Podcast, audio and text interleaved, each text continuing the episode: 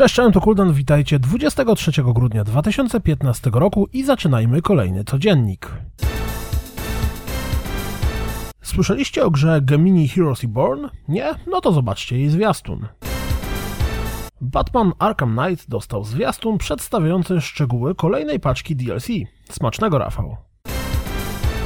The Legend of Heroes Trails of Cold Steel, czyli JRPG wychodzący na PlayStation 3 i PlayStation Vita, a wyglądający jak zrzynka z Type Zero, dostał premierowy zwiastun. Pamiętacie o The Deadly Tower of Monsters? Jeśli nie, to gra przypomina o sobie zwiastunem przedstawiającym niektóre z gatunków potworów, z jakimi się zmierzymy.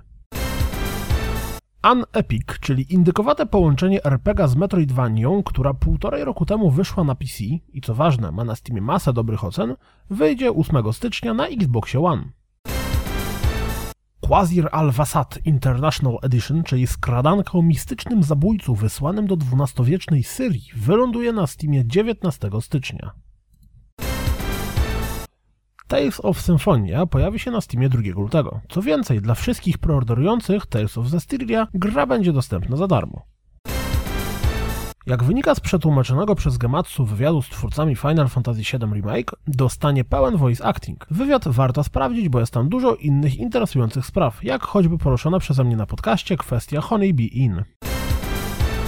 ESRB przyznało klasyfikację kilku grom z PlayStation 2 w wersjach na PlayStation 4, więc najprawdopodobniej niedługo pojawią się w ramach emulacji. Tytuły te to Wild Arms 3, Siren, Primal, Okage Shadow King i Ape Escape 3.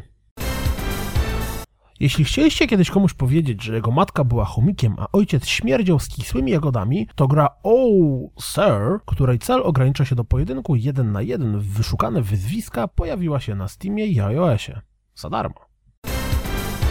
Pojawił się filmik pokazujący w szczegółach gameplay Paragona, tej moby od Epic Games. I cytując klasyk, nie przekonał mnie. Zresztą sprawdźcie go sami.